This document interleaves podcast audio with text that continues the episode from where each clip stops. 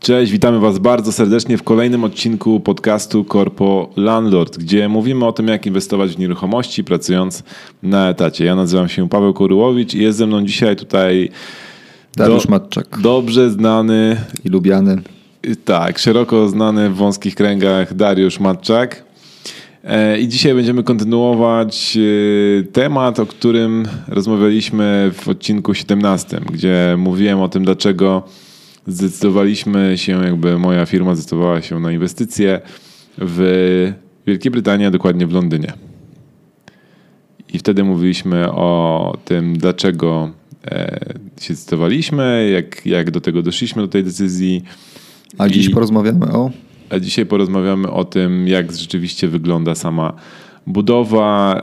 Od momentu, kiedy dostaliśmy mm, klucze, co się wydarzyło, na jakim etapie w tym momencie jesteśmy i jeżeli do tej pory mieliście taką złudną e, opinię o tym, że ja tutaj z Darkiem wiemy wszystko o tym, jak inwestować w nieruchomości, nie popełniamy żadnych błędów i w ogóle jesteśmy guru jakimiś dziwnymi e, od, e, od, od inwestowania w mieszkania czy w budynki E, to dzisiaj bardzo konsekwentnie będziemy obalać tą dziwną opinię. przynajmniej, przynajmniej e, z mojej strony rozłożę dużo kart i pokażę, jak dużo błędów można popełnić w jednej, w jednej inwestycji i też jakie, jakie wnioski z tego wyciągnęliśmy, czy ja wyciągnąłem.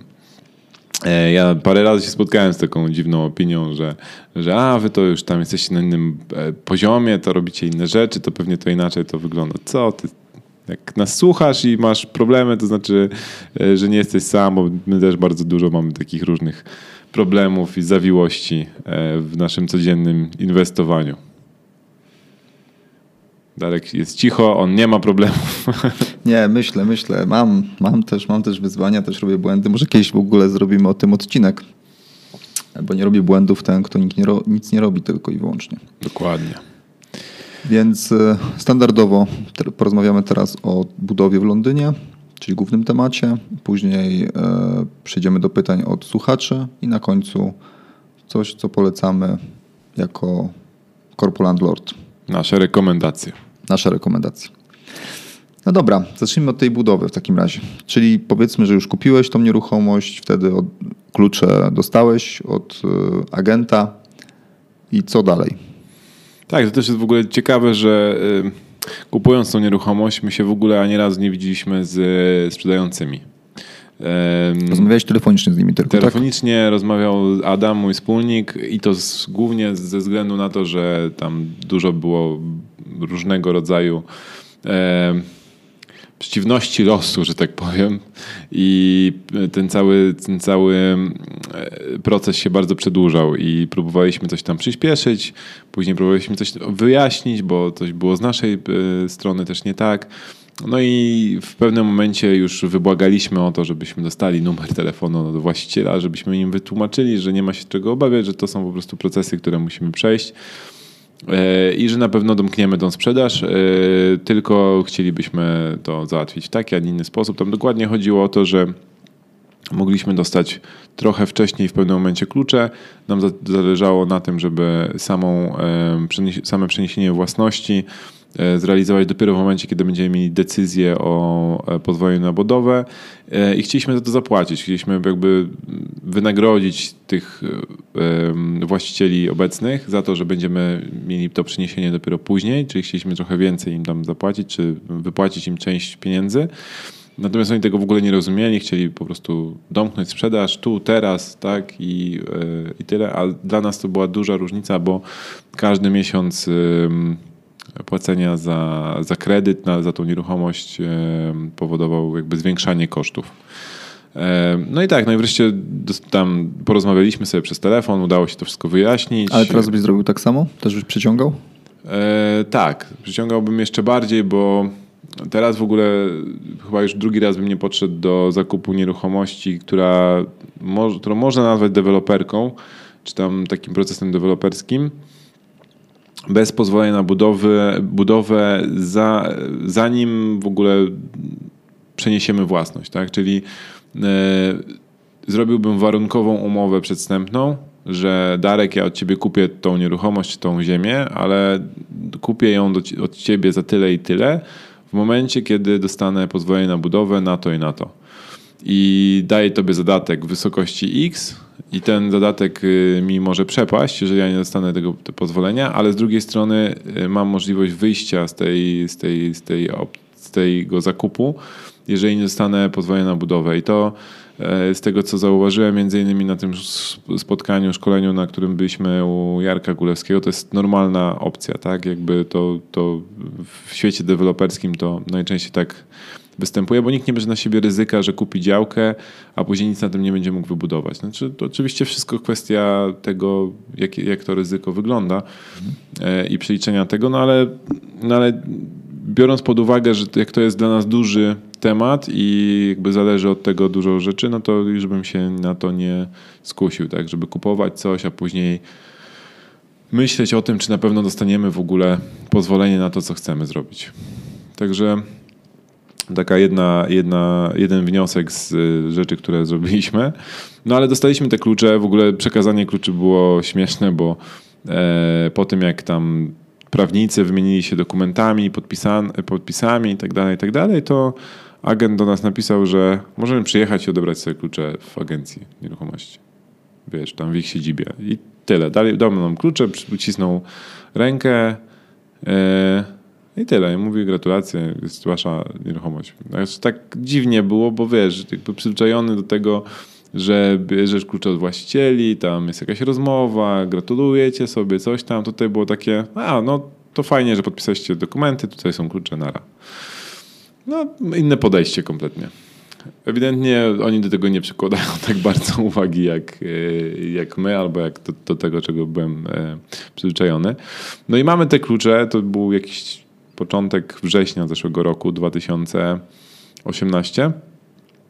E, w międzyczasie staraliśmy się o pozwolenie na budowę, jak powiedziałem, już w trakcie zakupu nieruchomości, procesu zakupu. I teraz ważna jest strategia tutaj, bo nasza strategia była taka, żeby najpierw się starać o to, żeby rozbudować ten budynek, a później go podzielić na mieszkania. Bo założenie takie finalne było takie, że kupujemy budynek po to, żeby go powiększyć i podzielić na, na mieszkania, jak najwięcej mieszkań. Tak minimum trzy, a jak się da więcej, no to byłoby super. I zostało nam poradzone, że nie ma sensu. Yy, wnioskować od razu o całość, bo mogą nam w urzędzie to e, odrzucić ze względu na to, że jest to dość duży proces i może wpłynąć za bardzo na e, tą, tą całą, to, to całe osiedle, czy tam tą, tą wiesz, sąsiedztwo. No ja trochę to, tego nie rozumiałem, bo mówię, jak to, jakby, jaka jest różnica między tym, że wiesz, że wystąpisz o powiększenie domu, i później powiesz im, a to jednak to bym chciał jeszcze to podzielić na, na, na dwa mieszkania, czy tam na trzy.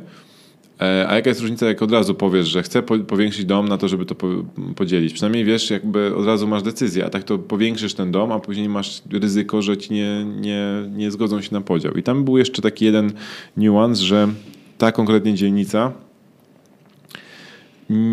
miała taką zasadę wpisaną tam w swoje miejscowe plany e, zagospodarowania przestrzeni, takie tamtejsze, mhm. że nie pozwalają dzielić domów, które mają mniej niż 100, chyba 100 metrów kwadratowych e, na, na mieszkania.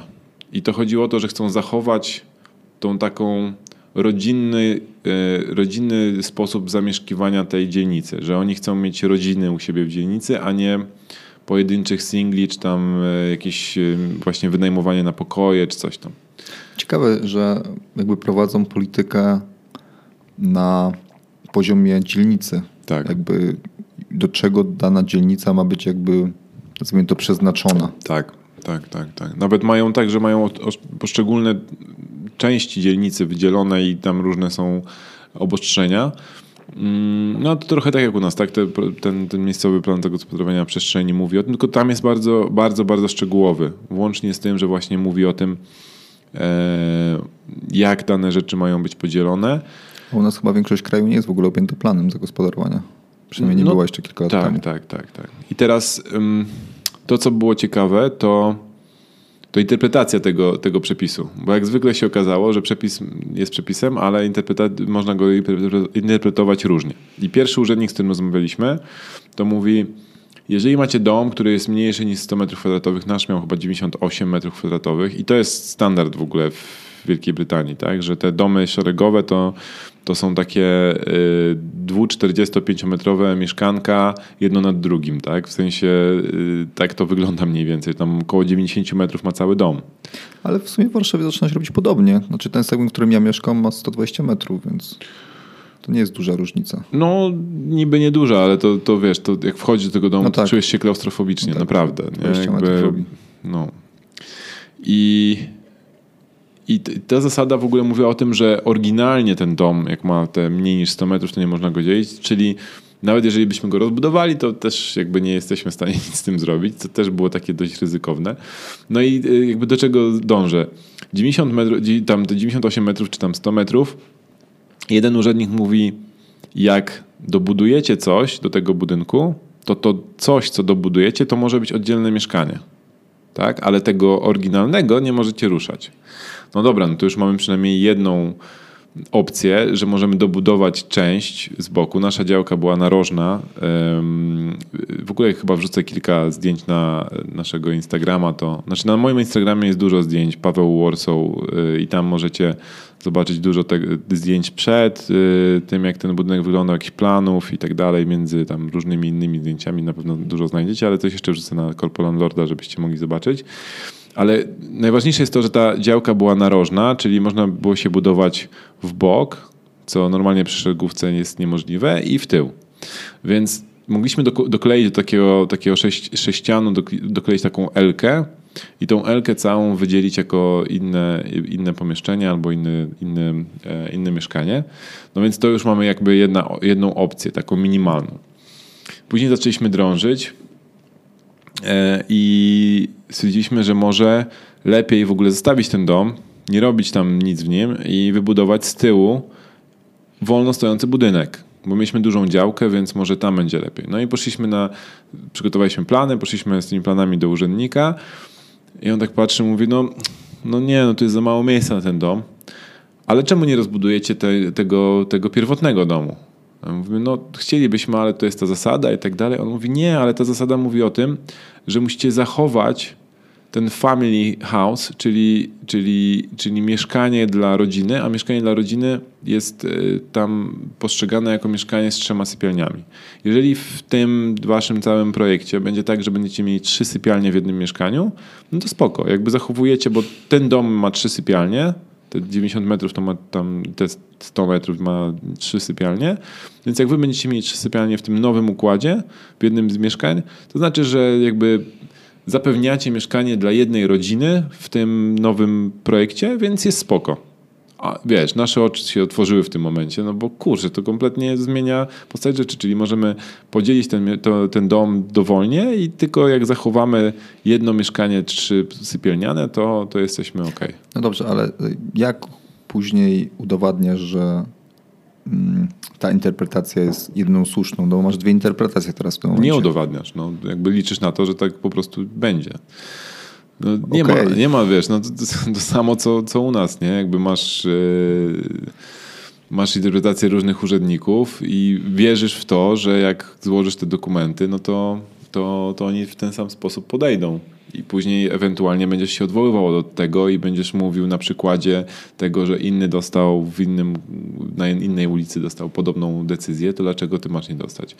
Ja tak to odebrałem. Nie wiem, czy są jakieś lepsze opcje, jak są lepsze i robicie coś y, w Londynie i znacie inne sposoby na to, żeby się zabezpieczyć ze strony właśnie tego planning permission, czyli tych, tych em, wniosków na pozwolenie na budowę, to bardzo chętnie usłyszę. No i żeby nie przedłużać, bo jakby dzisiaj przygotowałem e, 16 punktów, w których opisałem problemy, które były na budowie. I tam, wiesz, oprócz tego, że między, między innymi, że jest azbest w garażu, że musieliśmy zająć chodnik, że stal była źle ustawiona, że mieliśmy nierówne stropy, że budowa dachu zajęła dłużej niż planowaliśmy, że producent okien zwlekał z dostawą i później zamontował źle drzwi i że musieliśmy trzy razy zmieniać ekipy, no to powiem też o kilku rzeczach, które zrobiliśmy dobrze. Więc... Znaczy, ja widzę scenariusz odcinka i są dwie rzeczy dokładnie na 16 złych. także, także dzisiejszy odcinek będzie dość e, ciekawy, więc chcę jak najszybciej przejść do tej części Dobra. budowy. Jedźmy do budowy. E, ale to jest też, e, co zrobiliśmy? Strategia była taka, rozbudowujemy dom na maksa, tyle ile się da. To będzie pierwszy wniosek na pozwolenie na budowę. Przygotowuję to nam architekt, rozplanowujemy to jako jeden wielki dom. Jak się nie uda tego podzielić, to sprzedamy to jako wielki, jeden wielki dom, co by byłoby bardzo, bardzo ryzykowne, bo w tej dzielnicy takie domy się nie sprzedają. Gdyby to był centrum Londynu, jakaś luksusowa dzielnica, to pewnie by poszło po prostu, wiesz, jak świeże bułeczki, chociaż w tym momencie może nie, bo trochę się załamał rynek tych, tych y, nieruchomości luksusowych, no ale tam ludzie czegoś takiego szukają. Jak najwięcej sypialni, wiesz, ociekający złotem i tak dalej w biednej dzielnicy, jaką jest Croydon, umówmy się, to jest tam klasa robotnicza bardziej, no to ludzie chcą po prostu zapewnić sobie miejsce do życia, a nie szukają luksusów w postaci siedmiu e, pokoi, tak? Druga, drugi... E, druga, e, drugi stopień tego, tej, tej rozbudowy, znaczy tej, tego, tego procesu strategii, to będzie złożenie wniosku o podział na trzy mieszkania. Nam znowu doradzono, żeby najpierw podzielić to na dwa mieszkania, a później się starać, żeby podzielić każde z mieszkań na kolejne dwa. No ale ja stwierdziłem, że jakby jak zobaczyłem, jak, ta, tak, jak długo trwa rozpatrzenie tych wniosków, stwierdziłem, że idziemy od razu po trzy mieszkania i to była chyba najlepsza e, decyzja ever, jaką zrobiliśmy, bo dostaliśmy od razu pozwolenie na trzy i wtedy teraz możemy spać spokojnie i działamy nad kolejnym etapem, czyli na e, dodatkowy wniosek o powiększenie największego mieszkania na e, jedno małe i jedno duże, tak żeby się zachowało to, to jedno family house. Dobra. Mówisz, poradzono nam i teraz nie wiem, czy chcesz rozwijać ten wątek, ale wiem, że otaczasz się tam też ludźmi, którzy już robili takie rzeczy.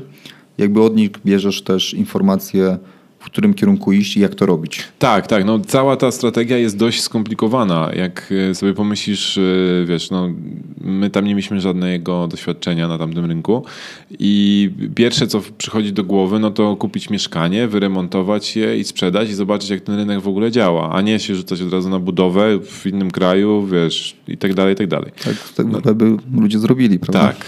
No, normalni ludzie by tak, tak zrobili, no. natomiast y, my nie jesteśmy normalną firmą. I szukamy, szukamy rzeczy, które mogą podnieść trochę mm, naszą adrenalinę i sprawiają, że e, krócej śpimy. E, no i rozmawiając z ludźmi, którzy się tym zajmują na co dzień, to powiedzieli, że tak naprawdę to nie jest o wiele bardziej skomplikowana rzecz, jak kupicie dom, rozbudujecie go i podzielicie na mieszkania, a to zapewnia wam o wiele więcej możliwości finansowania większego zysku, e, możliwości skalowalności tego biznesu i tak dalej, i tak. Stwierdziliśmy, że pójdziemy w tą stronę e, i tak, otaczamy się ludźmi, którzy tam już coś wiedzą. Bez tego w ogóle byśmy się pewnie nawet nie zdecydowali, żeby inwestować w Londynie. Mamy dobrego znajomego w gronie tam przyjaciół, który, który już to robi od kilkunastu lat i mu idzie mu bardzo dobrze. I uczestniczamy na takie spotkania coś jak Polsce Mieszkanicznik, takie zrzeszenie ludzi, którzy, którzy inwestują w nieruchomości. Mieszkanicznik w Londynie też jest, ale jest tak mały i ludzie tam robią tak małe rzeczy, że tam nie było za bardzo od kogo czerpać e, e, inspiracji. Natomiast e, ta grupa, do której my uczęszczamy, czyli Baker Street Meetings, czy jakoś tak to się nazywa, to są ludzie, którzy naprawdę robią tam grube rzeczy i mają po kilkadziesiąt domów i inwestycji i w sumie tylko tym się zajmują. E, także mamy takie inspiracje z dwóch stron. Jeszcze do tego tam przeczytaliśmy kilka książek ludzi, którzy się specjalizują w tym, w tym temacie. E, I jest bardzo, bardzo dużo podcastów i innych rzeczy, które można czerpać inspirację. Problem jest z tym, że bardzo mało jest informacji odnośnie samej budowy.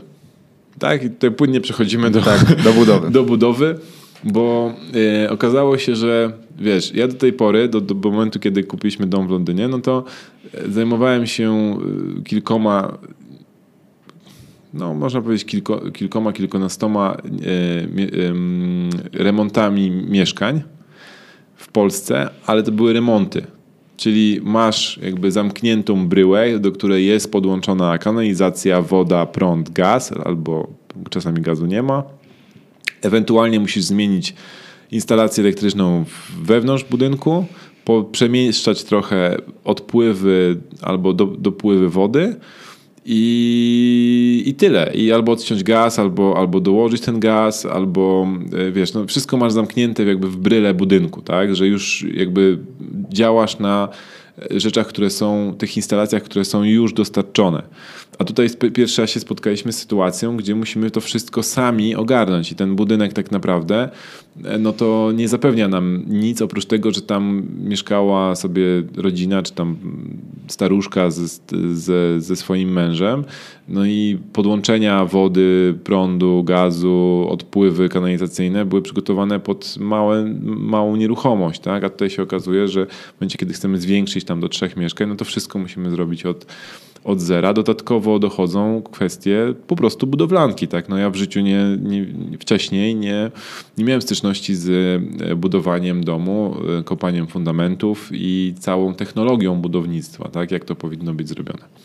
No i pierwsze co zrobiliśmy, no to Odezwaliśmy się oczywiście do architektów. Dostaliśmy mm, pierwszą ofertę na, e, na, na przygotowanie takiego kompleksowego projektu budowlanego. I teraz to też jest ciekawe, bo w Polsce jak składasz wniosek o budowę, o, o pozwolenie na budowę, to musisz złożyć kompletny e, projekt budowlany. On tam musi mieć wszystko, włącznie z instalacjami, jakieś tam instalacje branżowe, no wszystko, wszystko, co powinno być gotowe dla wykonawcy, żeby on wiedział, jak zbudować ten dom. W Wielkiej Brytanii tak nie ma. Wystarczy, że pokażesz plan poszczególnych mieszkań, plan tego, co chcesz zrobić, elewację budynku, jak ona będzie wyglądała, jak teraz wygląda, jak będzie wyglądała. Musisz ten wniosek uzupełnić o kilka jeszcze tam innych rzeczy i tyle. Jakby oni patrzą tylko na bryłę jakby budynku, a nie na to, w jaki sposób on będzie zbudowany, jaką technologią i tak dalej, tak dalej. To trochę zostawiają tobie i, i, i nadzorowi budowlanemu, który nad tobą e, będzie e, sprawował pieczę. Bo musisz wybrać nadzór budowlany, albo to będzie nadzór budowlany z urzędu, albo zewnętrzna firma, która ma podpisaną umowę z urzędem, że będzie nadzorowała e, tą, tą budowę. I to oni przestrzegają tego, żeby na pewno było wszystko z, zgodnie ze sztuką budowlaną. A to, czy ty sobie zrobisz bardzo szczegółowy, bardzo szczegółowy projekt budowlany czy nie, to trochę zależy od ciebie i od twoich wykonawców. No i mając te pierwsze plany, poszliśmy do e, innego architekta, bo ten, który nam zrobił pierwsze plany, nam się nie podobał, w sensie pracowało się z nim bardzo kiepsko. Dostaliśmy ofertę i otworzyliśmy oczy ze zdziwienia, jak duża jest ta kwota. Pamiętasz rząd wielkości? Wiesz co, podstawowe chyba rysunki kosztowały 8 tysięcy funtów. Dodatkowo trzeba było branżystów, którzy mieli się wypowiedzieć na różne tematy i coś tam jeszcze policzyć. I to w sumie chyba było paręnaście tysięcy funtów. No, jakby nie byliśmy kompletnie przygotowani na, na, tą, na, na, na tą kwotę. Myśleliśmy, że to będzie o wiele tańsze. Teraz już wiem, dlaczego tak było. Dlaczego? No bo, bo dobry projekt oszczędza ci bardzo dużo kasy później bo wiesz dokładnie, co masz zrobić, pokazujesz to wykonawcom, wiesz na czym ich sprawdzać. W momencie, kiedy nie masz tego projektu, to, to tak naprawdę wiesz, no, bawisz się w zgadywanki. E, wykonawca coś ci mówi, ty nie wiesz, czy on, czy on ma pojęcie o tej budowie, czy wie dokładnie, jak to zrobić. E, on się ciebie coś pyta, jak ty chcesz mieć to zrobione, tak, pod jakim kątem ma być nachylenie dachu, nie wiem, jak ma być dach e, ocieplony, jaką, jaką, jakim, jakim materiałem. Ty się pytasz kogoś tam, on to ci wiesz, podpowiada. I tak było w naszym przypadku, tak? No bo nie zdecydowaliśmy się na ten bardzo e, skomplikowany projekt budowlany. Stwierdziliśmy, że e, wykonawca będzie trochę wiedział, a trochę my się do, tam doszkolimy. E, kupiliśmy sobie książkę. Biblię budownictwa, czy jakoś tak, zaczęliśmy ją czytać. Building się... for Dummies. Tak, coś takiego. I zaczęliśmy budować i I teraz wiem, że to była jedna z gorszych decyzji, którą zrobiliśmy. Jakbym mógł to cofnąć czas, to pewnie poszedłbym na jakiś kurs szybkiego budownictwa, żeby się doszkolić w ogóle z, wiesz, z technologii. A kupiłbyś ten projekt teraz? Tak, tak. Zainwestowałbym w ten projekt. Nie wiem, czy akurat tyle, może bym poszukał po prostu trochę jeszcze innych e, architektów. Nam trochę zależało na czasie. Ten nasz e, znajomy, którego nazywamy mentorem, mówił: Słuchajcie, to nie jest takie trudne, ja wam we wszystkim pomogę. Jak coś, to dzwońcie. Każdym momencie mogę, mogę wam pomóc. No, było różnie. No i tak, no i zaczęliśmy budować. No i zac od, od, od, zaczęło się od tego, że. Czekaj, tylko sobie otworzę notatki. Gdzie ja to mam? Tu. E, patrzę od pierwszego punktu, który, który się pojawił. E, na samym początku, kiedy przyjeżdżały firmy, a, właśnie, jeszcze wykonawcy. No, mieliśmy już tą jakoś tam wstępny projekt, bo tam wreszcie ktoś nam wykonał taki, wiesz, wstępny projekt tego, co chcemy zrobić. I przyjechały firmy budowlane, bo nie, nie mieliśmy żadnego wykonawcy, tak? No to zaczynamy szukać wykonawców. Jak znaleźć wykonawców? Najpierw się okazało, że mój wspólnik ma tam kilku znajomych, którzy mają firmy budowlane. Jak ci znajomi nam dali swoje wyceny, no to znowu szczęka nam opadła, bo my mieliśmy 150 tysięcy funtów przeznaczone na budowę, a pierwsza wycena opiewała na 240 tysięcy funtów i to było e, wybudowanie samego szkieletu budynku, czyli taki stan surowy, zamknięty, czyli wybudowanie ścian i zamknięcie dachu. I wiesz, nic więcej. Insta brak instalacji, brak tynków, brak yy, nie wiem, podłóg, ścian i tak dalej, i tak dalej. Stwierdziliśmy, nie, no to jest jakaś paranoja. A skąd wzięliście to 150 tysięcy do wyceny? To było też y, zarekomendowane przez ludzi, którzy to robią. I A, tutaj okay. jest delikatny problem, że ludzie, którzy to robią, mają już swoje sposoby na to, jak optymalizować koszty. Mają najczęściej swoje zaufane ekipy, albo nawet mają swoje ekipy. I to jest tak, jak ja robię, wiesz, remont w Polsce, jak wiem, yy, wiem jak ja to robię dla siebie, no to mam inne koszty niż jak robię dla kogoś, no bo mam dodatkowe koszty jakby zarządzania ekipą, wiesz, no muszę coś zarobić na tym, na tym remoncie i tak dalej, i tak dalej, tak? To jest trochę tak, jak Jarek mówił na szkoleniu, wystarczy zmienić grubość ścianki. Mhm. I już na całym projekcie, wiesz, parę tysięcy złotych oszczędzasz. Dokładnie. Bez zmiany właściwie termoizolacji i tak dalej. Jest jeszcze jedna kwestia, że w Londynie jest bardzo duży rozstrzał e, wartości nieruchomości, tak? czyli ceny nieruchomości. I ten sam dom, który ma załóżmy 150 metrów kwadratowych, może kosztować 500 tysięcy funtów, a może kosztować 2,5 miliona. I teraz jak dobudowujesz 100 metrów kwadratowych do tego domu, to jak dobudujesz go za 200 tysięcy funtów, co jest dużo, no to przy budynku, który, ma, który kosztuje, ma wartość 500 tysięcy, no to zwiększyłeś właśnie jego jakby koszt tej dobudowy to jest jedna piąta wartości twojej nieruchomości, tak? A jak przeniesiemy się do budynku, który tam 10 km bliżej centrum kosztuje 2,5 miliona, i e, dobudujesz to za 200 tysięcy, no to ci to kosztowało mniej niż 10%, tak? 8%, jakoś tak. Więc tu mamy 20%, tu mamy 8%, jest kompletnie inna, inna różnica. Znacząca dla tego, czy ci się to w ogóle opłaca, czy nie.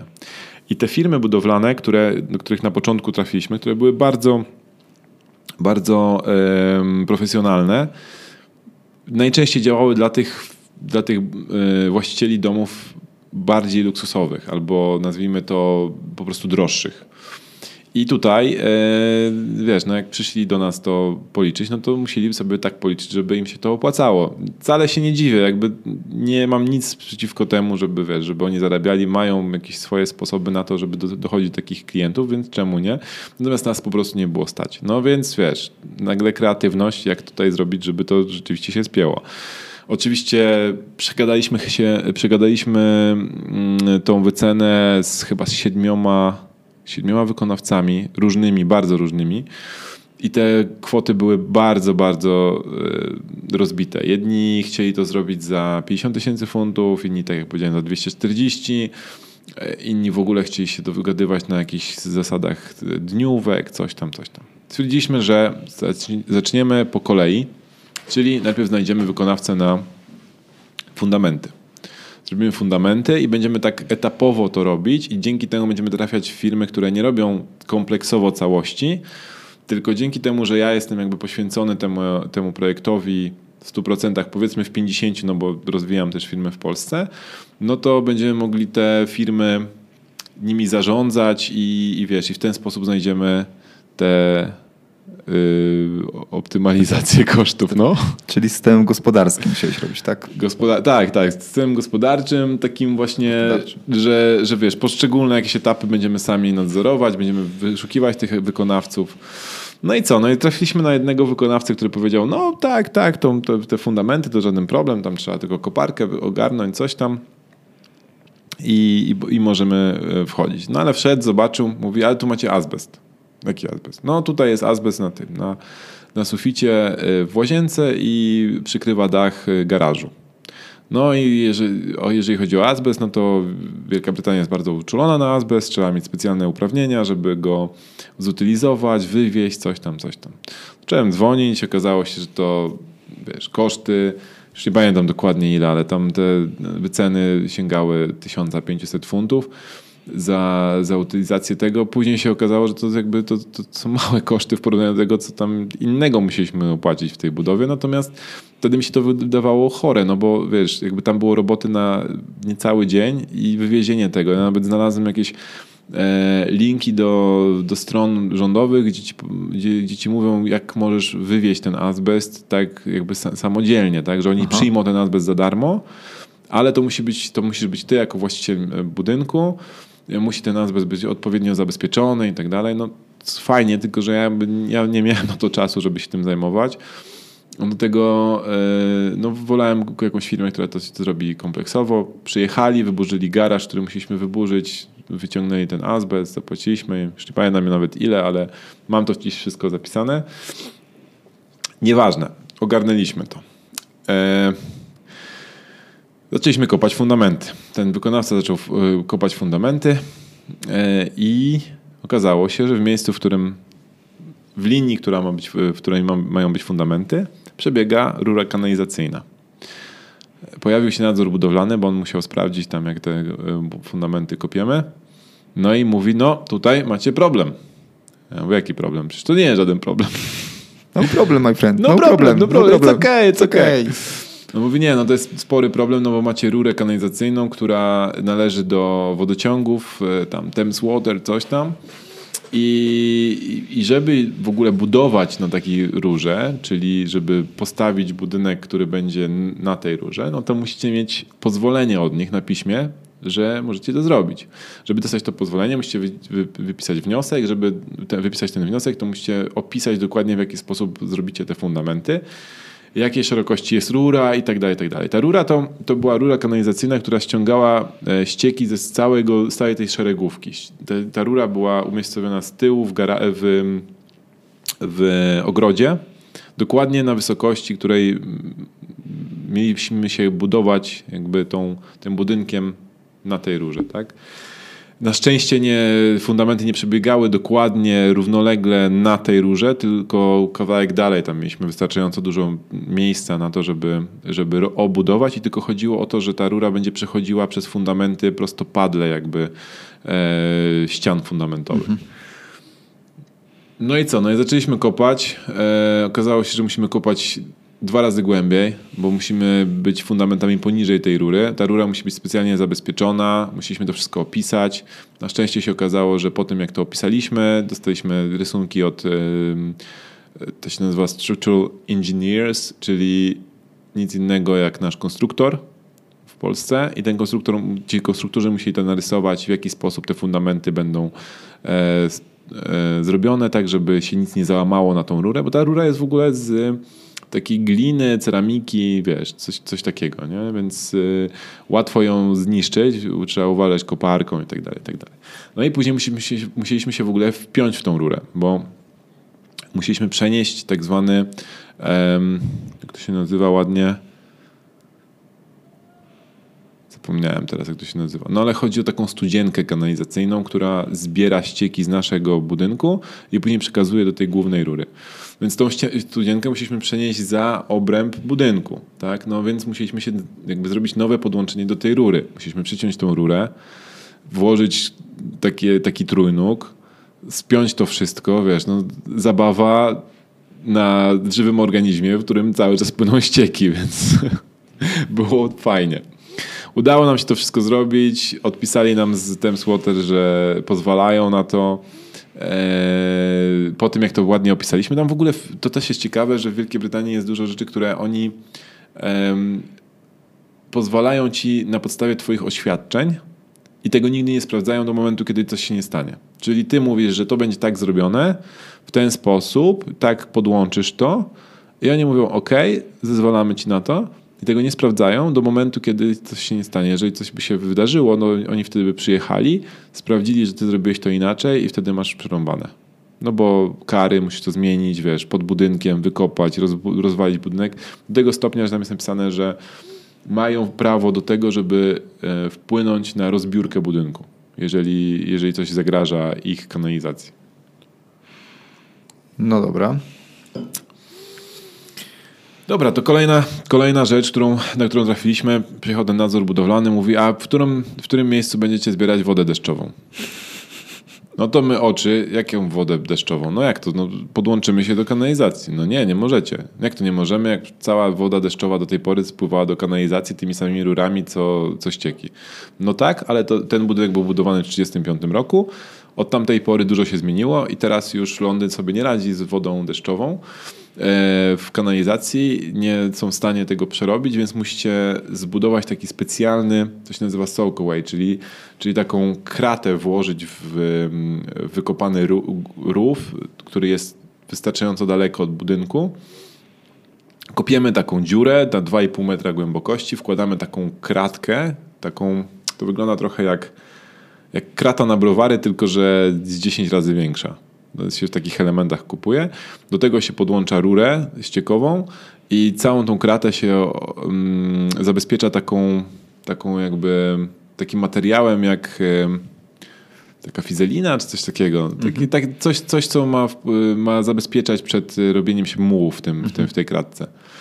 I to się zakopuje i do tego, do tego jest doprowadzona rura, która z, y, wpuszcza tam całą wodę, y, tą, tą wodę deszczową i chodzi o to, żeby woda deszczowa się zbierała w tej kratce i powoli, powoli się rozpływała tam w wodach gruntowych, a żeby nie podłączać się do, do kanalizacji. No to wiesz, kolejna rzecz, którą musimy kupić, wykopać, wybudować. On mówi, no ale wasz architekt powinien to przewidzieć. Ja mówię, no super, tylko nasz nie przewidział.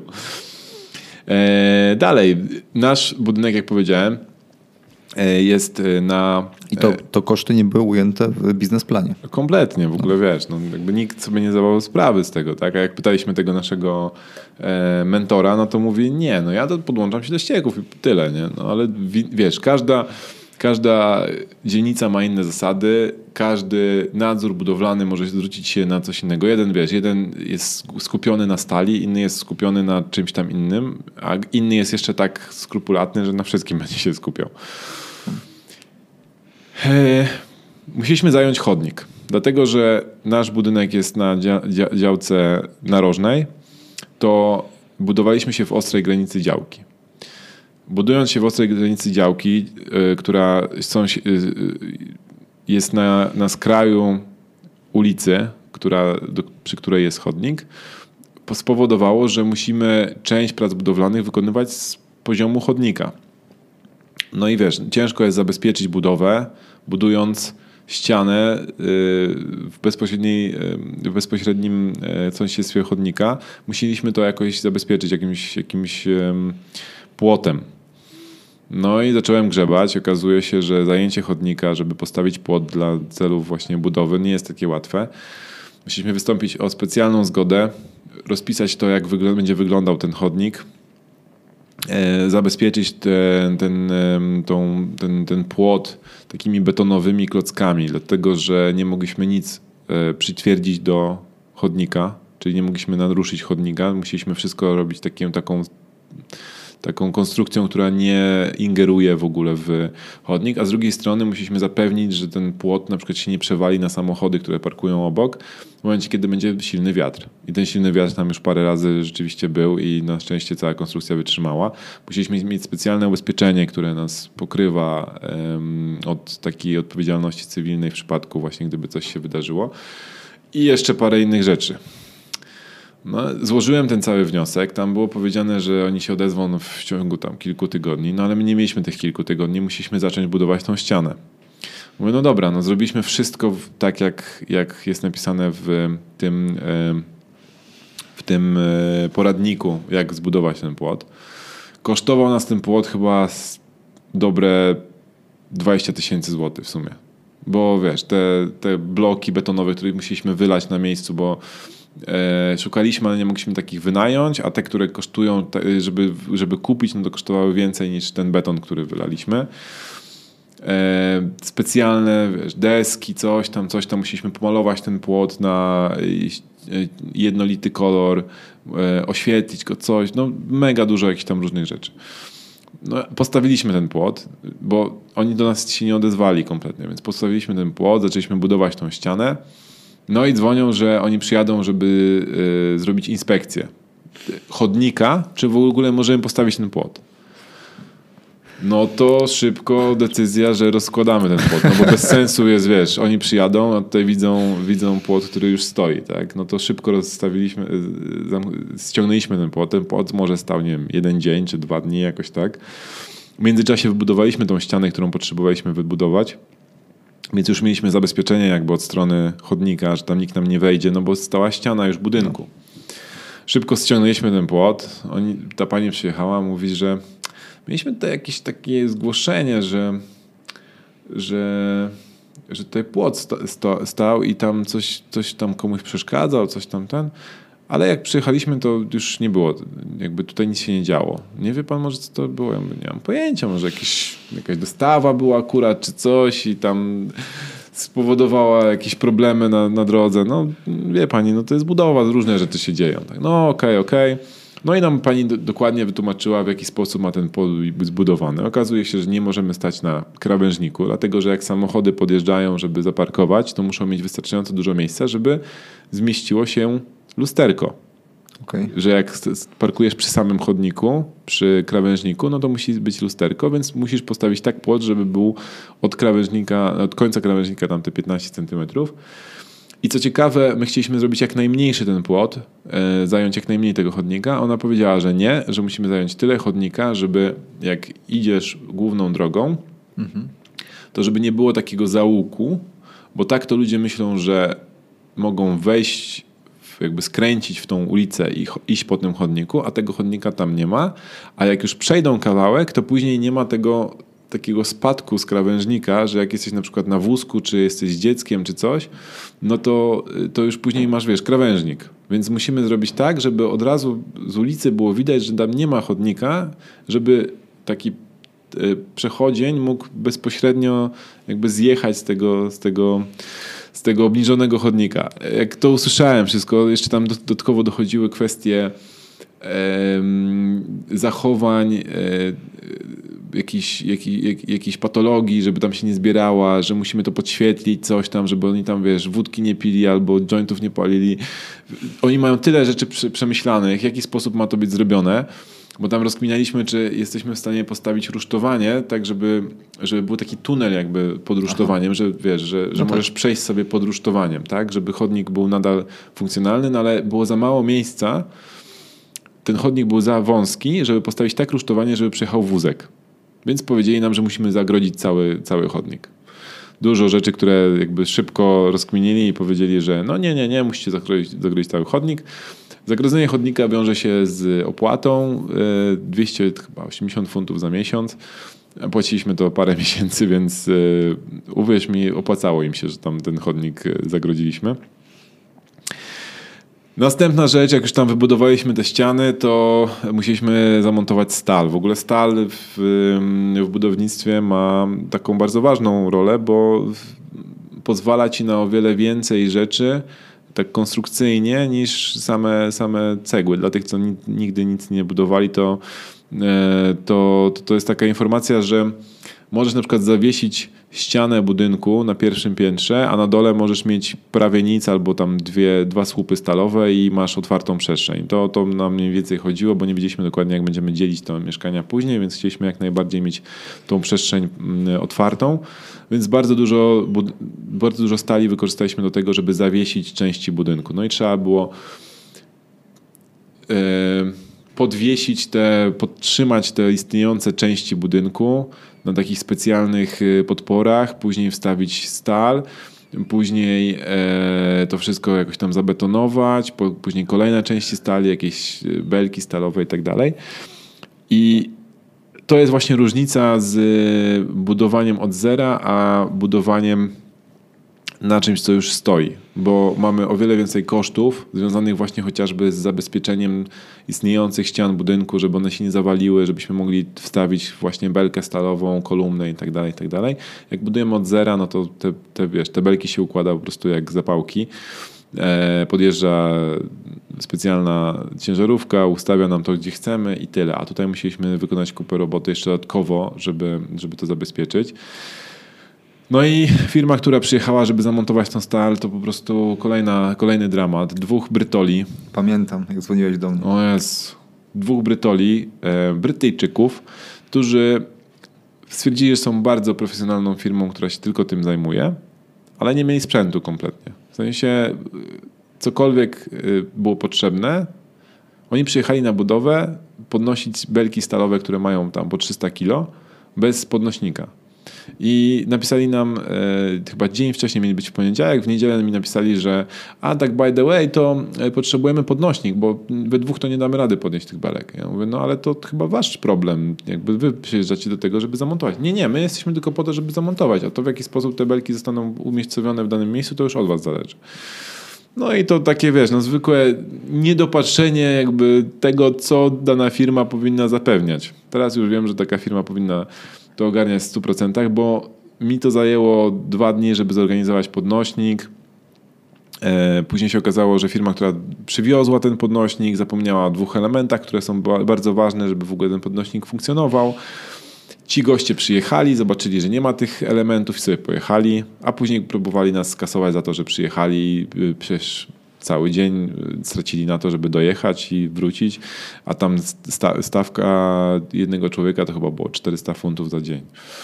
No i wiesz, i, później zamontowali tą stal. Okazało się, że zamontowali ją w ogóle odwrotnie. Y, niektóre kolumny miały wycięte miejsca, y, takie, takie dziurki, które, przez które miały przechodzić pręty, inne pręty stalowe, które miały kotwiczyć te, te belki, te kolumny w ścianach. Oni zamontowali to w drugą stronę, czyli te dziurki wychodziły nie w stronę ściany, tylko w stronę jakby przestrzeni tej wolnej, więc nie było do czego się złapać, musieli do, dodatkowo e, dospawać takie blachy, w których robili dziury. No po prostu dramat. E, w ogóle e, dostarczyciel stali nie docina ci stali na, na, na wymiar, znaczy oni nie, nie, nie są w stanie jakby tego wymierzyć, tak? ten, ten, ten dostawca nie jest w stanie wymierzyć e, stali, tylko ty musisz dokładnie im podać, na, jaką, na jaki wymiar ma być ta stal. Więc ci panowie od instalacji powiedzieli, załóżcie tam przy każdym przy każdej belce ileś tam e, 30 cm więcej i my sobie to dotniemy na miejscu. Przyjechali, żeby to policzyć. Ja mówię, no dobra, to powiedzcie chociaż przynajmniej jaka ma być ta, ta, wiesz, ta, ta długość z tym zapasem, tak? No bo jest ciężko to, to wyliczyć. Y, tutaj mamy jakieś podane wysokości, te wysokości są od istniejącej podłogi, a tutaj mamy, wiesz, jeszcze musimy belkę tam w fundamentach wstawić, coś tam, coś tam. No przyjechali, żeby to policzyć, policzyli, przyjechała stal, okazało się, że stal jest za krótka. Robili jakieś dodatkowe manewry, żeby tam podłożyć coś, coś tam dospawać. No masakra, po prostu ilość rzeczy, która była e, spieprzona przez nich spędzała mi sen z powiek. Później zostawili jeszcze część stali, która była za długa, zostawili wystające poza obra, e, obramowanie jakby budynku. Musieli przyjechać z powrotem, żeby to dociąć, e, bo stwierdzili, że będzie łatwiej to przeciąć później. No ale żeby przyjechać i to dociąć, no to zbierali się chyba dwa tygodnie i później stwierdzili, że oni muszą nas za, e, za to, że dodatkowo przyjeżdżają i, i wiesz, i jeszcze chcieli dodatkową kasę za to, że wcześniej to zostawili. Z koniec końców tam po długich mailach e, zapłaciliśmy im o wiele mniej niż chcieli e, i powiedzieliśmy, że więcej nie chcemy ich znać.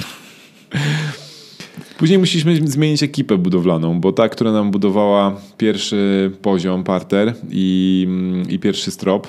A dlaczego zmieniłeś się? Powiedz. bo ta ekipa miała dość spore problemy z alkoholem.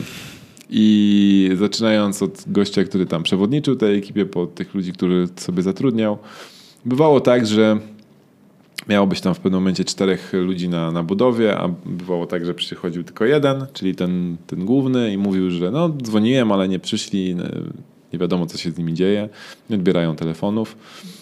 E, nauczyliśmy się jednej rzeczy, że płacimy w, w poniedziałki, a nie w piątki.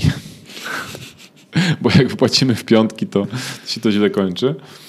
E, no i w pewnym, bo wiesz, po, tam, po kilku takich dziwnych sytuacjach stwierdziliśmy, że no koniec, no jakby nie będziemy tego dalej kontynuować i przerwaliśmy z nimi współpracę. To było taka dość, dość taki zimny kubeł wody na głowę, nie? bo tutaj teoretycznie masz już wszystko poogarniane, masz ekipę, która ma ci coś tam robić, ty się skupiasz tylko na tym, żeby poszczególne rzeczy e, dalej tam się wydarzały, a tu nagle obudzisz się z tym, że no, albo dalej będziesz akceptował to, że ktoś, wiesz, robi dziwne bardzo sytuacje, łącznie z tym, że coś tam komuś nie pasowało, to sobie wychodził na przykład z budowy i powiedział, ja nie wracam, nie wiem, czy wrócę.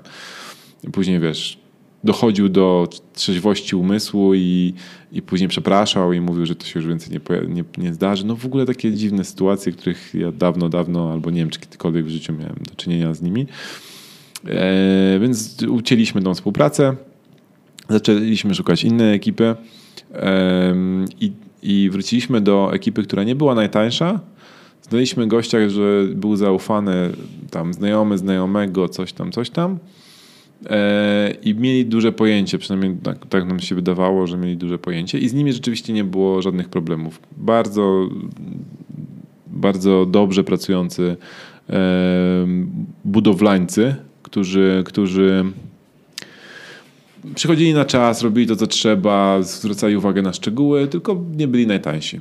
Tam się umówiliśmy e, na rozliczenie za dniówki, bo zależało nam na tym, żeby zejść na sceny, więc yy, stwierdziliśmy, że dobra, to my bierzemy twoich ludzi na dniówki, ja ogarniam cały tam materiał, wiesz, organizuję pracę, yy, a ty nie masz też tego ryzyka, że na przykład się nie wyrobisz z jakąś tam robotą i wtedy musisz nakładać na nas tą dodatkową przestrzeń, wiesz, tą poduszkę powietrzną na to, żeby zarobić na nas, a nie żeby stracić.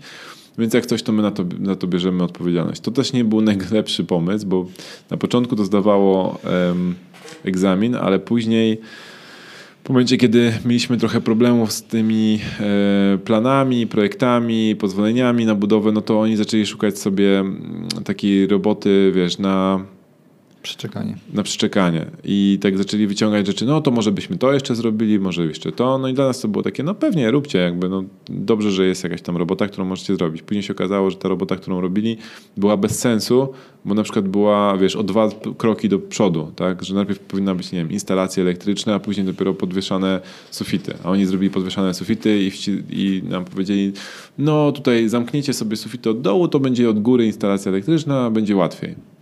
No nie było łatwiej, bo elektryk jak przyszedł, to od razu powiedział, że to, to jemu całą robotę przedłuża, więc musi nas więcej skasować i zapłaciliśmy dwukrotnie. Niektóre rzeczy musieliśmy rozebrać, co oni zrobili, bo wydawało nam się, że w tym miejscu będzie stała ścianka, ale jeszcze nie mieliśmy dokładnych projektów. Później musieliśmy tą ściankę rozebrać, postawić gdzieś indziej. No ale to za chwilę. Czyli jednak projekt, projekt, projekt. Tak, tak, tak, tak. No teraz już wiem, że projekty powinny być gotowe zanim w ogóle wejdzie jakakolwiek ekipa na, na, na budynek i powinny być bardzo szczegółowe i przemyślane w, bardzo szczegółowo. No, coś, co, co udaje mi się ogarnąć w Polsce bardzo e, dobrze, tak mi się wydaje przynajmniej, to w Wielkiej Brytanii mi się nie, nie udało tym razem, no ale nauczyliśmy się bardzo dużo na tym. Okazało się, że ta poprzednia ekipa, która miała problemy z alkoholem, to zrobiła dużo baboli. Między innymi były nierówne stropy, nierówny poziom posadzek, posadzki były za nisko wylane, musieliśmy dolewać. E, całość nas kosztowała kilka tysięcy funtów dodatkowo za to, że ten, że, że musieliśmy e, poprawić te błędy. Może lali we wtorek. Może. Po poniedziałku. E, budowa dachu zajęła nam o wiele dłużej niż myśleliśmy.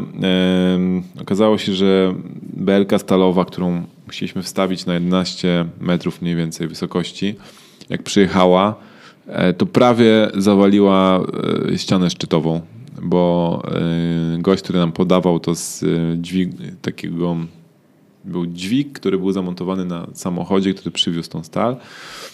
Y, ten element był bardzo ciężki, y, bardzo jak bardzo, no ale no, dość ciężki, tak? No i miał bardzo dużą bezwładność. I w momencie, kiedy ona jakoś tam się zachwiała, w najwyższym momencie, no to delikatnie stuknęła w ścianę szczytową i ta ściana szczytowa zaczęła e, się bujać, tak? I ja byłem przerażony, myślałem, że po prostu ona e, się zawali. Na szczęście nic takiego się nie, nie stało. Te, te budynki mają jakąś tam swoją elastyczność, o czym świadczy na przykład e, to, jak się zachowują podczas e, trzęsień ziemi. Tak? Nie, nie, nie całe budynki nie, nie, składają się od razu, dużo budynków e, udaje się przetrwać tak? dzięki temu, że po prostu mają elastyczność.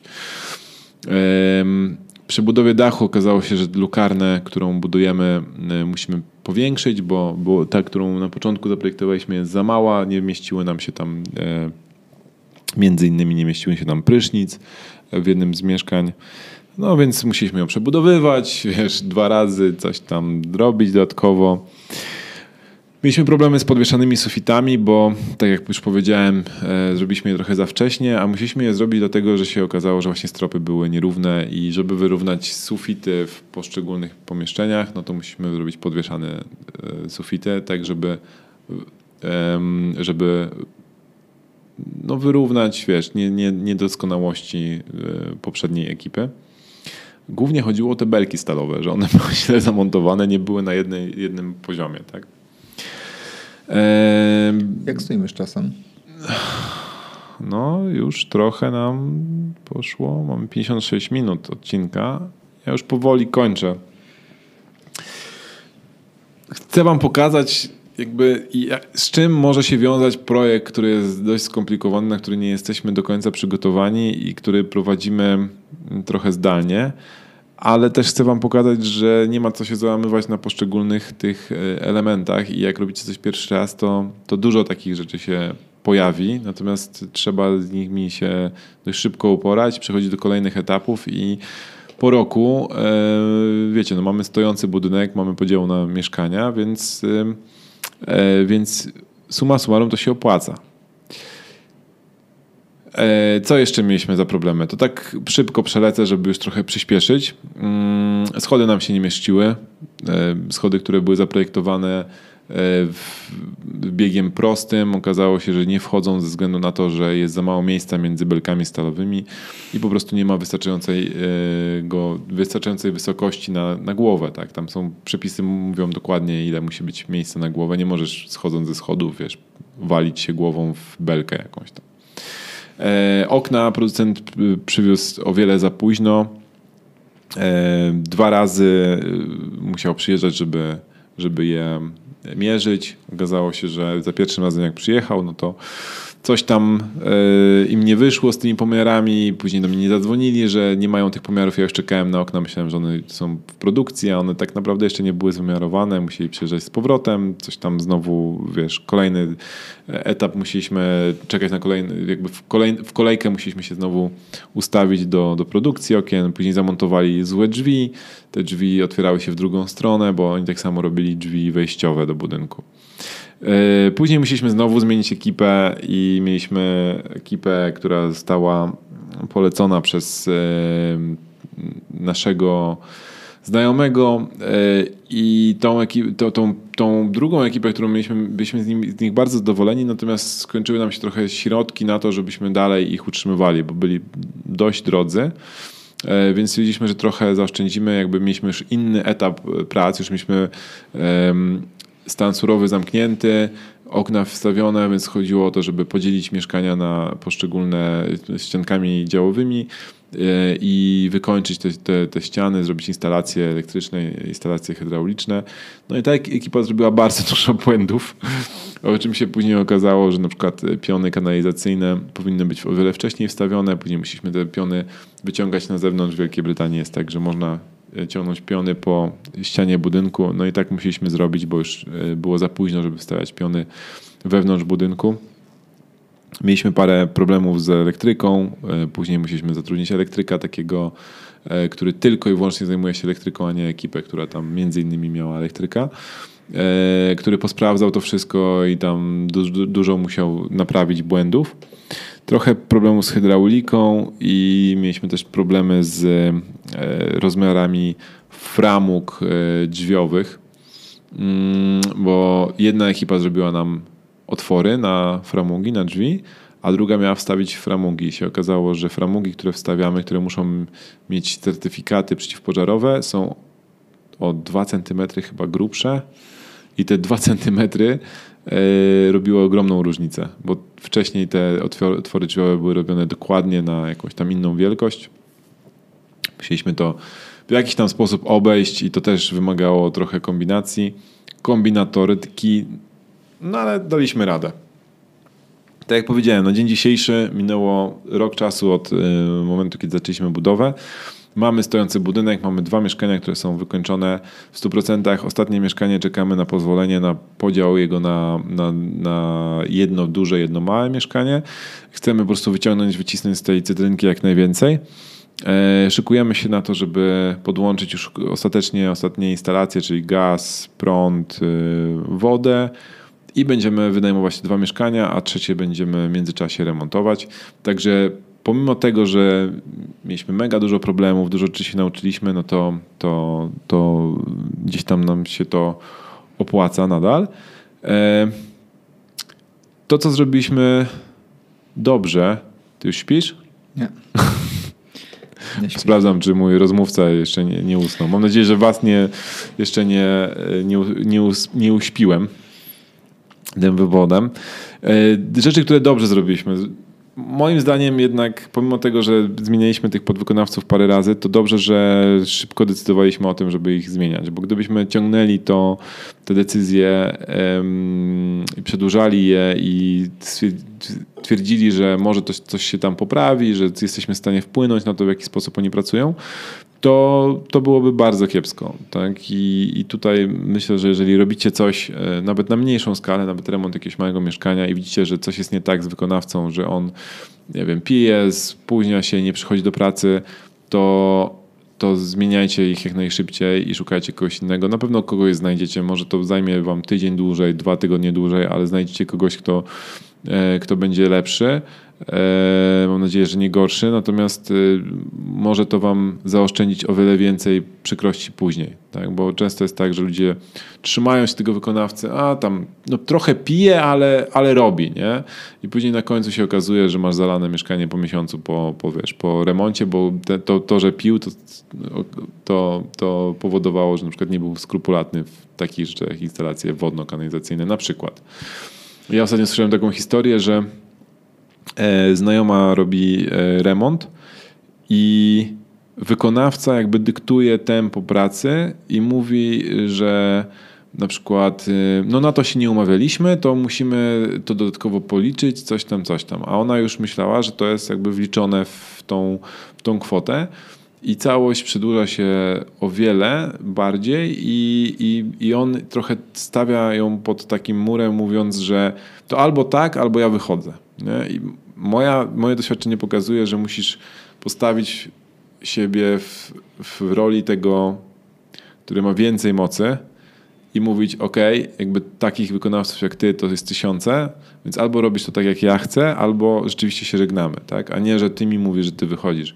Ja miałem parę razy tutaj nawet na tej budowie w Londynie, że ludzie myśleli, że oni są niezastępowalni i czując, że my jesteśmy trochę pod ścianą, wiesz, jakimiś tam pod różnymi presjami, myśleli, że mogą na nas więcej wymóc, nie? A, a okazywało się, że tylko wystarczyło im powiedzieć, że słuchaj, jakby jeżeli nie chcesz tego robić, nie ma problemu, nie rób tego, znajdę kogoś innego. I nagle się okazywało, że jest kompletnie inna rozmowa, że tak naprawdę to on, im też zależy na tym, żeby robić tą robotę, tak?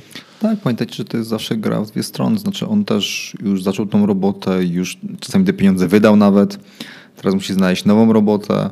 Pomimo tego, że to oczywiście nie jest y, obecnie bardzo trudne na polskim rynku na przykład, to też nie wiesz, czy następna osoba, której robisz robotę, zapłaci ci, czy się jest wypłacalna, za ile, czy nie będzie żadnych problemów. Tak zawsze dalej. to jest jakaś niepewność. Właśnie, zawsze jest jakaś niepewność, więc ja też myślę, że jeżeli ktoś powie, ok, no to, to nie rób, to 8 na 10 przypadków kogoś powie, ok, dobra, to pogadajmy. Tak, tak. I druga rzecz, którą zrobiliśmy, wydaje mi się, że dobrze, to od samego początku prowadziliśmy takiego dużego Excela, gdzie, Widziałem go, jest imponujący. gdzie wrzucaliśmy wszystkie koszty. Głównie chodziło o koszty materiałów, ale tam też wrzucaliśmy koszty robocizny. E, I materiałów koszty robiliśmy tak, że e, każdą fakturę rozkładaliśmy na części pierwsze i wpisywaliśmy, przekopiowywaliśmy tak naprawdę każdą pozycję. I chodzi o to, że robimy sobie taki, takie zestawienie wszystkiego, na co wydawaliśmy pieniądze i każdy koszt kategoryzujemy, że wpisujemy sobie, że to było na fundamenty, to było na budowę ścian, to było na budowę dachu, to były instalacje wewnętrzne, to było tam wykończenie wnętrz. Dzięki temu widzimy, na co wydaliśmy pieniądze, co najwięcej kosztowało, gdzie w przyszłości możemy optymalizować koszty, ale przede wszystkim widzimy to, jak, jakie są różnice cenowe w różnych sklepach, bo My tam się zaopatrujemy w tym momencie chyba w czterech sklepach różnych. Z różnego powodu. Czasami jest tak, że jeden sklep nie ma czegoś, czasami jest tak, że drugi ma, jeden sklep ma niższe ceny na jedną rzecz, a na drugie ma o wiele wyższe i dobrze jest to właśnie sobie monitorować. I teraz jak dzwonię do jakiegoś dostawcy i pytam się na przykład o drewno w takim, takim przekroju, to ja wiem dokładnie ile zapłaciłem do tej pory i łatwiej mi jest z nimi negocjować cenę, jeżeli oni mówią, możemy ci sprzedać za tyle i tyle. Ja mówię, nie, ostatni raz kupowałem tu i tu za tyle, więc albo schodzimy o te tam kilkanaście pensów na metrze y, i robimy to tak, albo jak nie, no to idę do tamtego. Mało tego, mi zależy na tym, żeby zbudować taką jedno, jedno wielkie repozytorium jakby cen i tego, na co y, wydajemy pieniądze, żeby w kolejnej budowie e, pójść do dostawcy i powiedzieć: Słuchaj, w poprzednim budynku wydaliśmy 20 tysięcy funtów na drewno. W tym budynku zakładamy, że będzie podobnie, bo jest podobnej wielkości budynek.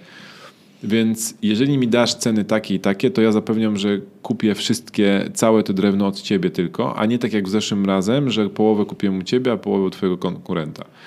I jak rozmawiałem z tymi e, dostawcami, to oni twierdzili, że dla nich to też jest super e, możliwość negocjacyjna, bo oni, to też nie jest tak, że oni jakby decydują o wszystkich cenach. Tak? Często mają nad sobą jakiś tam menadżerów, którzy muszą zaakceptować dane upusty.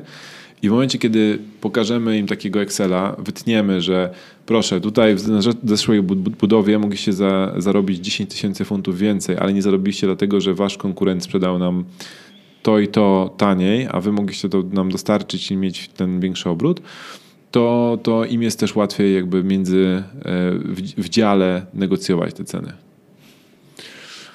No, a dla, dla nas też to daje możliwość takiego, takiej analizy, jak wydajemy pieniądze w czasie, czyli która część budowy najwięcej pochłania, kiedy musimy mieć te, te, te, te, te pieniądze. Kiedyś się z Wami podzielę, pokażę Wam, jak wyglądały te, te wszystkie mm, wydatki i jak to się e, odbywało w czasie i na co najwięcej wydaliśmy, e, jaka była jaka była struktura kosztów e, robocizny do materiału, bo to też e, cały czas śledzimy, patrzymy jak to wygląda, która część była droższa, czy budowa e, stanu surowego, czyli to takie najgrubsze rzeczy, czyli stawianie ścian, fundamentów, kanalizacji i tak dalej, czy dach i jeszcze parę innych rzeczy, okna, czy, czy właśnie wykończenie wnętrz, te takie rzeczy, które ludzie uznają, że są małymi rzeczami, tak? No wystarczy tylko pomalować ścianę i już, nie? A tu się okazuje, że tam jest mega dużo poszczególnych etapów, które jeszcze trzeba dojść i, i te, te koszty wcale nie są małe. Mega, mega I, i z tego, co rozmawialiśmy, to przy twoim projekcie widać w porównaniu do remontów oczywiście, że te materiały stanowią znaczną część jakby e, w porównaniu do robocizny. Tak. Tak, tak. Znaczy, w zależności od którego etapu, ale najczęściej to jest tak, że 40% pieniędzy idzie na, na robociznę, a 60% idzie na materiały. Z tego, co czytałem, to powinno być mniej więcej 50 na 50, to znaczy, że udało nam się trochę zoptymalizować e, kosztów e, robocizny jednak, tak? No bo to znaczy, że no, ma- materiały ciężko by było nam kupić taniej, bo już jakby bardzo dużo negocjowaliśmy z dostawcami. Natomiast widać, że, e, że mm, te, te koszty robocizny musiały być trochę zmniejszone tak, wobec tego, co się dzieje na rynku. No i tyle. W tym długim odcinku o tym, jak dużo rzeczy może pójść źle prowadząc y, projekt za granicą i dlaczego, dlaczego nadal uważam, że, że nam się opłaca. E, Przede wszystkim bardzo dużo się nauczyliśmy e, i tą wiedzę na pewno wykorzystamy w kolejnym, w kolejnym projekcie i myślę, że kolejny projekt będzie o wiele bardziej marżowy, bo będziemy wiedzieli dokładnie na czym to polega i będziemy wiedzieli, co zrobiliśmy nie tak w tym. Wnioski są takie, że nie, nie ma pieniędzy źle wydanych na edukację.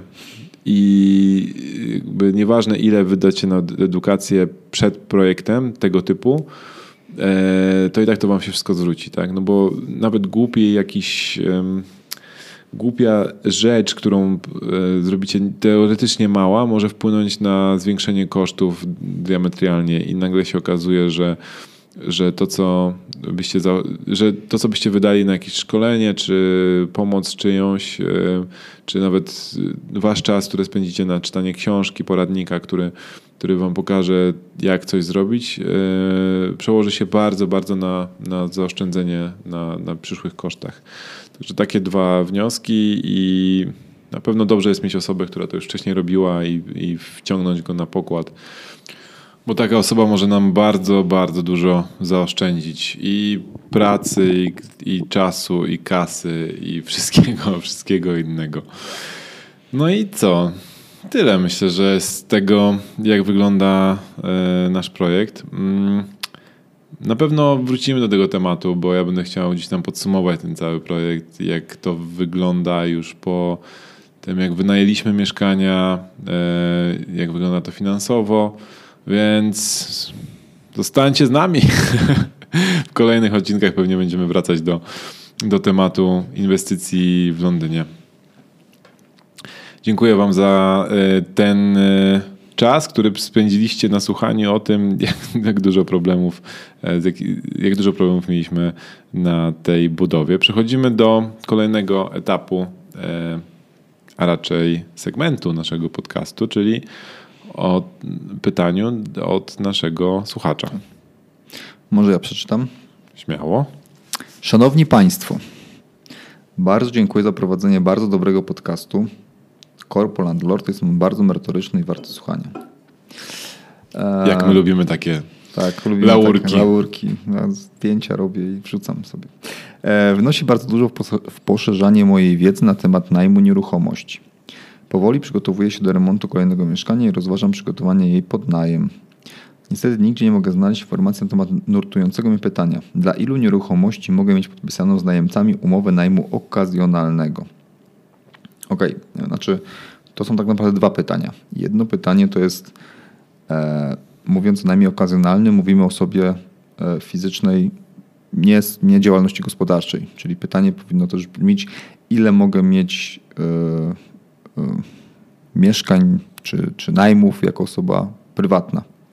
A druga, jak, jak, ile mogę mieć mieszkań jako osoba prywatna pod najm, najmem okazjonalnym. Tak, no zresztą Marcin, e, który napisał to pytanie, później e, po naszej pierwszej odpowiedzi e, doprecyzował. Tak. No ale Dobrze, więc e, odezwaliśmy się naszego prawnika. tak, Łukasza. I Łukasz powiedział, to zależy. To znaczy mamy e, interpretację, którą zresztą wrzucimy gdzieś tam w e, notatki, która mówi, że e, może być nawet do 8 mieszkań. Natomiast bezpieczna granica dla naszego prawnika to jest 2-3 mieszkania, gdzie uważa, że nie będzie Wynajmujący traktuje najem jako stałe i główne źródło utrzymania, wynajmuje mieszkanie w sposób ciągły, zorganizowany, dokonuje w mieszkaniu wynajmu wielu mieszkań, nawiązuje współpracę z zakresu najmu z innymi firmami. Ważny jest również sposób nabywania tych nieruchomości i cel, jaki najemca wynajął mieszkanie. Tutaj ta interpretacja dotyczyła ryczałtu 8,5%, tak? Że do 8 mieszkań y, można, można wynajmować w ryczałcie. Okej. Okay. Tak. No dobra, ale bezpieczna granica to jest 2-3 mieszkania. Natomiast no, wszystko zależy od interpretacji waszego lokalnego urzędu skarbowego i tak dalej, i tak dalej, i tak dalej. Więc to. Natomiast jeżeli chodzi o sam najem okazjonalny, to yy, rzeczywiście nie, nie spotkałem się z ograniczeniem ilościowym mieszkań. Natomiast yy, kiedyś rozmawiałem chyba też z Łukaszem bodajże i najem okazjonalny był stworzony pod najem swojego mieszkania w przypadku, gdy nie wiem, się do innego miasta, czy rodzina ci się powiększa i chcesz zostawić sobie swoje mieszkanie. I, I tam było takie stwierdzenie, przypuszczenie, że to chodzi o jedno tylko mieszkanie. To twoje tak oryginalne. Natomiast nie spotkałem się nigdzie z ograniczeniami. Znam ludzi, którzy mają po kilka. Ja też miałem w pewnym okresie kilka najmów okazjonalnych na raz prowadzonych. E, obecnie mam już tylko najem instytucjonalny związany z prowadzeniem działalności gospodarczej. Natomiast tak, nie spotkałem się. Jeżeli wy się spotkaliście albo możecie podesłać jakieś informacje o tej sprawie, to rzućcie w komentarzu, jestem ciekawy.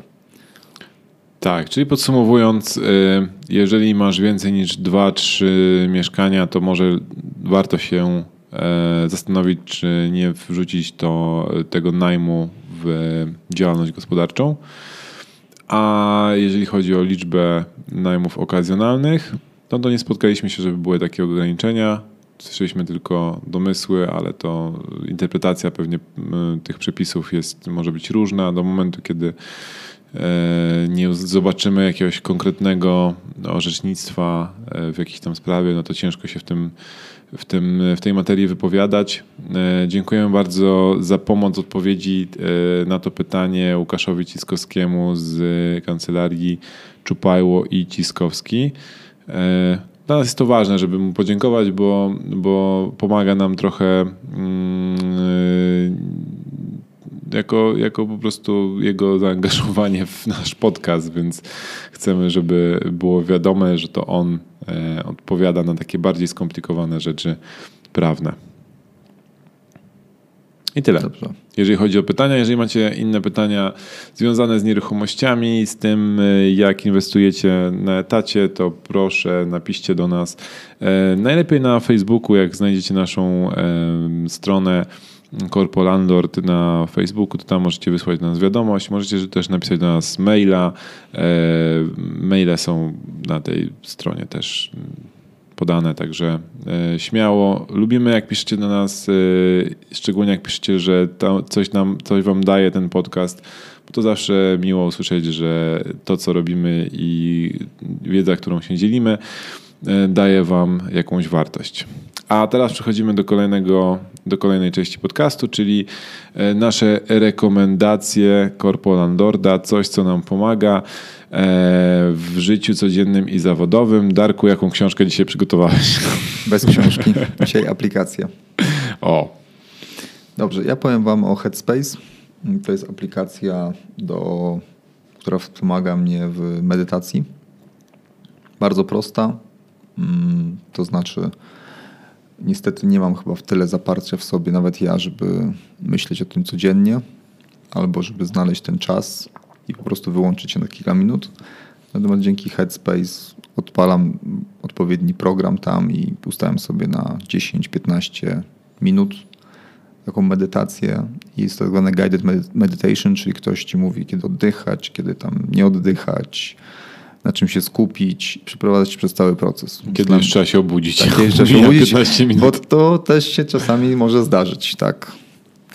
E, mają tam teraz rewelacyjną w ogóle, w ogóle część taką dotyczącą snu i, i wchodzenia w sen, ale później także jakby taką muzykę do usypiania. Naprawdę nie wiem, czy to efekt placebo, ale na mnie działa rewelacyjnie to. Więc polecam. Po co to robię? To jest trochę tak, że cały dzień gonimy, wszyscy gonimy. Jakby jesteśmy naładowani e, wszelkimi telefonami, budzikami, mailami, komunikatorami. I wydaje mi się, że takie 10 minut poświęcone tylko sobie i swojemu ciału, oddechowi jest jednak ważne w tym, żeby móc się skupić na nowo i przemyśleć parę spraw. I medytacja też bardzo ja skomentuję trochę, bo też używam tej aplikacji od czasu do czasu, co prawda. E, jest e, pewien, pewna część w ogóle darmowa, tam jest chyba 10 lekcji, które możecie przejść za darmo, a później trzeba wykupić jakiś abonament. E, natomiast medytacja też bardzo pomaga w momentach, kiedy czujemy się przeładowani. Ja mam tak przynajmniej, że jak czuję, że jest za dużo wątków, które się gdzieś tam dzieją w moim życiu i czuję, że ich nie ogarniam, to medytacja pomaga w tym, e, żeby tak sobie trochę się odciąć od tego wszystkiego, spojrzeć na to z, wysokości kilku kilometrów nad powierzchnią Ziemi i tak zastanowić się, czy rzeczywiście to jest tak, że rzeczy, które się dzieją są tak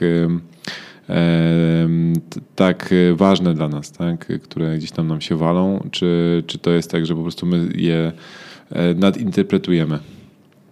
A druga rzecz, którą mi Headspace, e, w której mi Headspace pomaga, to jeżeli macie tak, że w ciągu dnia czujecie zmęczenie takie, że już praktycznie najchętniej to byście się położyli spać, ale z drugiej strony nie możecie sobie na to pozwolić, bo macie jakieś tam kolejne obowiązki, to ja zauważyłem, że Headspace jest idealny do takich krótkich drzemek, bo w moim przypadku ta medytacja bardzo często się kończyła taką, taką bardzo powierzchowną drzemką, gdzie e, normalnie pewnie bym się na to nawet nie, nie udałoby mi się skupić na tyle, żeby, żeby zasnąć.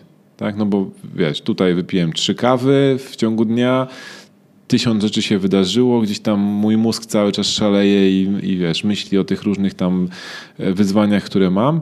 A tutaj z drugiej strony nie mam nawet siły na to, żeby, żeby podejść do kolejnego jakiegoś tam wyzwania. Nie wiem, muszę usiąść do laptopa, odpisać na kilkanaście maili i wiesz, jak myślę o tym, to już e, mi się odechciewa.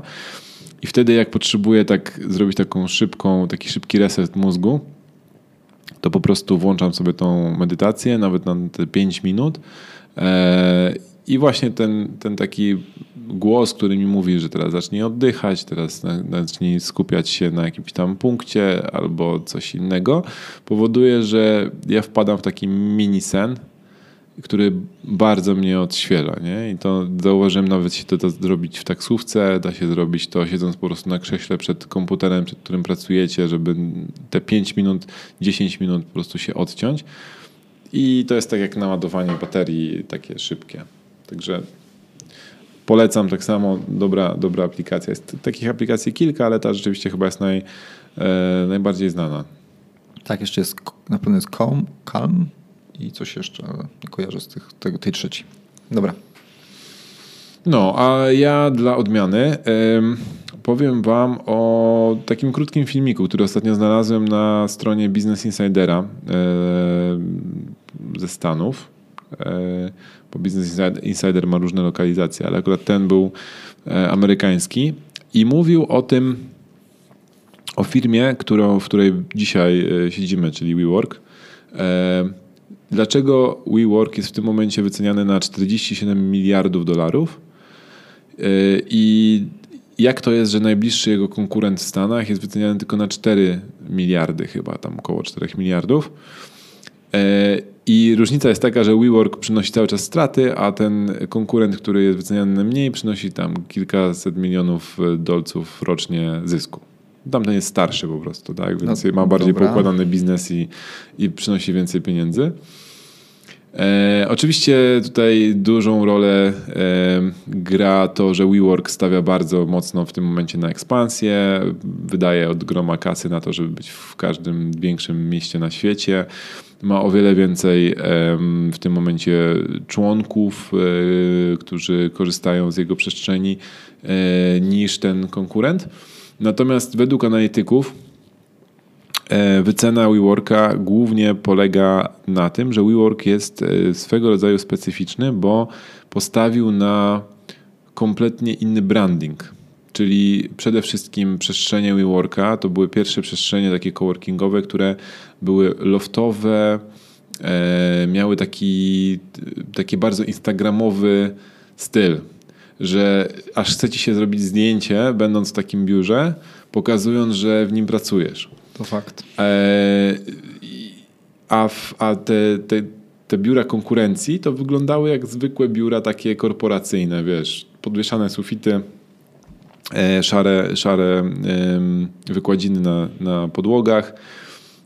Białe ściany i nic, nic ciekawego, tak? Gdzieś tam kuchnia, która gdzieś tam była schowana, jakaś mała, wiesz, optymalizacja przestrzeni, a WeWork stawia na takie właśnie rozwiązania, gdzie masz dużą przestrzeń, gdzie możesz się gdzieś tam e, poznawać z innymi ludźmi, którzy pracują w tej samej przestrzeni i tak dalej, i tak dalej. Więc według analityków samo to, że oni postawili tak bardzo na branding i na to, żeby, e, żeby stworzyć przestrzeń, w której ludzie rzeczywiście będą się dobrze czuć, spowodowało, że są o wiele wyżej wyceniani niż ich konkurenci. Oczywiście konkurenci dostrzegli to i teraz to próbują zniwelować tą, tą, tą różnicę i, i sami stawiają na tego rodzaju design. WeWork jeszcze do tego, e, przez to, że ma tak dużą liczbę tych e, ludzi, którzy korzysta z ich, z ich usług, e, wykorzystują to do analizy danych, jak ludzie pracują. E, w ogóle sami mówią o sobie, że są firmą technologiczną, bo tworzą jakieś aplikacje do tego, żeby jeszcze łatwiej było korzystać z tej przestrzeni e, i, i próbują te dane wykorzystywać w jakiś tam inny sposób. Analitycy nie do końca w to, w to idą i bardziej za, za e, kwalifikują ich jako firma z branży nieruchomości niż firma technologiczna, no ale to wiemy jak to tam bywa. Różni różne organizacje w różnych e, miejscach chcą się pojawić, więc e, to może jakoś tak e, w ten sposób zadziałało. Mm, co ciekawe, ta wycena głównie, głównie opiera się na tym, że chiński bank, SoftBank chyba się nazywa ten, ten bank, zainwestował 10 miliardów dolarów w WeWork i przy wycenie jakby ta, ta część, w którą zainwestował i za którą dostał, dostał jakieś tam udziały, Gdyby to zmultiplikować, no to wyszłoby 47 miliardów i dlatego taka jest wycena. W rzeczywistości tam ludzie mówią, że powinno być trochę mniej albo dużo mniej. Nieważne. Ostatnio y, ten filmik powstał zanim wydarzyła się bardzo ciekawa rzecz, czyli główny założyciel zszedł z roli prezesa WeWorka, więc teraz ciekawe co, co będzie. Tam też jemu zarzucali różne rzeczy, między innymi to, że własne nieruchomości wynajmował firmie do tego, żeby później prowadzić tam e, ten, ten coworking i ten biznes, tak? Więc to, to też jest e, ciekawe. E, o tym wszystkim możecie się dowiedzieć z tego krótkiego filmik, filmika, który tam zajmuje kilka minut czy kilkanaście minut, więc polecam. Fajnie się to ogląda i dużo ciekawych informacji odnośnie takiego molocha. Co też jest powiązane z nieruchomościami, więc myślę, że sama ta informacja, że dzięki designowi firma może y, być o wiele bardziej wyceniana, y, o wiele lepiej wyceniana przez to, że jej klienci doceniają ten design, sprawia, że warto się zastanowić, czy robienie wszystkiego na najtańszych materiałach w naj, naj, najprostszy sposób y, ma przyszłość i rzeczywiście się przełoży na, te koszty się przełożą na waszą efektywność, bo może się okazać, że wydając trochę więcej, tworząc y, ciekawsze, ciekawszą przestrzeń, stworzycie miejsce, do którego ludzie będą chętniej e, chcieli się wybrać, czy wynająć mieszkanie, czy wynająć e, wasze mieszkanie na Airbnb, cokolwiek, jakiekolwiek tam strategię sobie wy, wynajdziecie. Nawet jeżeli chcecie to mieszkanie sprzedać później, to może będzie łatwiej je sprzedać, jeżeli wykorzystacie jakieś zagrywki designerskie, a nie tylko po prostu pomalujecie ściany na biało i e, podłogę wyłożycie panelami. Co też może być dobre, wszystko zależy od okoliczności, strategii tak, i tak dalej. Tak, tak, tak. No tylko mówię, jak to działa przy no. tak dużym biznesie, a możemy te same mechanizmy zastosować w, w naszych jakichś tam działaniach. Dokładnie. No dobra, słuchajcie, dobra. kończymy, bo ten odcinek wyszedł nam długi, ale mam nadzieję, że interesujący. E, dziękujemy Wam bardzo, że tego słuchacie. Jeżeli czerpiecie z tego e, wartość, to proszę zostawcie e, pozytywną opinię albo jakąkolwiek opinię na, na iTunesach, czy gdziekolwiek, gdziekolwiek słuchacie tego podcastu. W najgorszym razie napiszcie do nas maila, to też będzie nam miło, albo wiadomość, że, że w ogóle słuchacie. Zawsze takie coś bardziej mobilizuje. Jest was coraz więcej, więc e, fajnie wiedzieć, co o tym e, podcaście sądzicie. Tak, albo zróbcie, jeżeli słuchacie na telefonie, zróbcie print screena i wrzućcie na Instagrama z hashtagiem Paul Warsaw, Corpo Landlord. My z chęcią tam zobaczymy. To bardzo motywuje nas. Dokładnie. Dzięki Wam bardzo i do usłyszenia w następnym e, odcinku następnym razem. Hej.